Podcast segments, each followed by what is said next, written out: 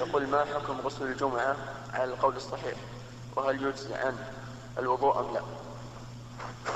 غسل الجمعة على القول الذي نراه راجحا واجب على كل من أتى الجمعة. لقول النبي صلى الله عليه وآله وسلم غسل الجمعة واجب على كل محتل. ولكنه ليس شرطا لصحة الصلاة لأنه ليس عن حدث. ودليل ذلك أن عمر بن الخطاب رضي الله عنه لما تكلم على عثمان حين جاء متأخرا فقال له عثمان رضي الله عنه ما زدت على أن توضأت يا أمير المؤمنين؟ قال والوضوء أيضا.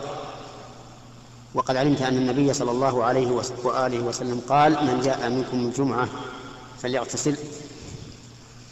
لكنه هل يجزئ عن الوضوء أو لا يجزئ؟ إن توضأ الإنسان قبله بنية رفع الحدث فقد حصل رفع الحدث بالوضوء. وإن لم يتوضأ فإنه لا لأن هذا ليس عن حدث.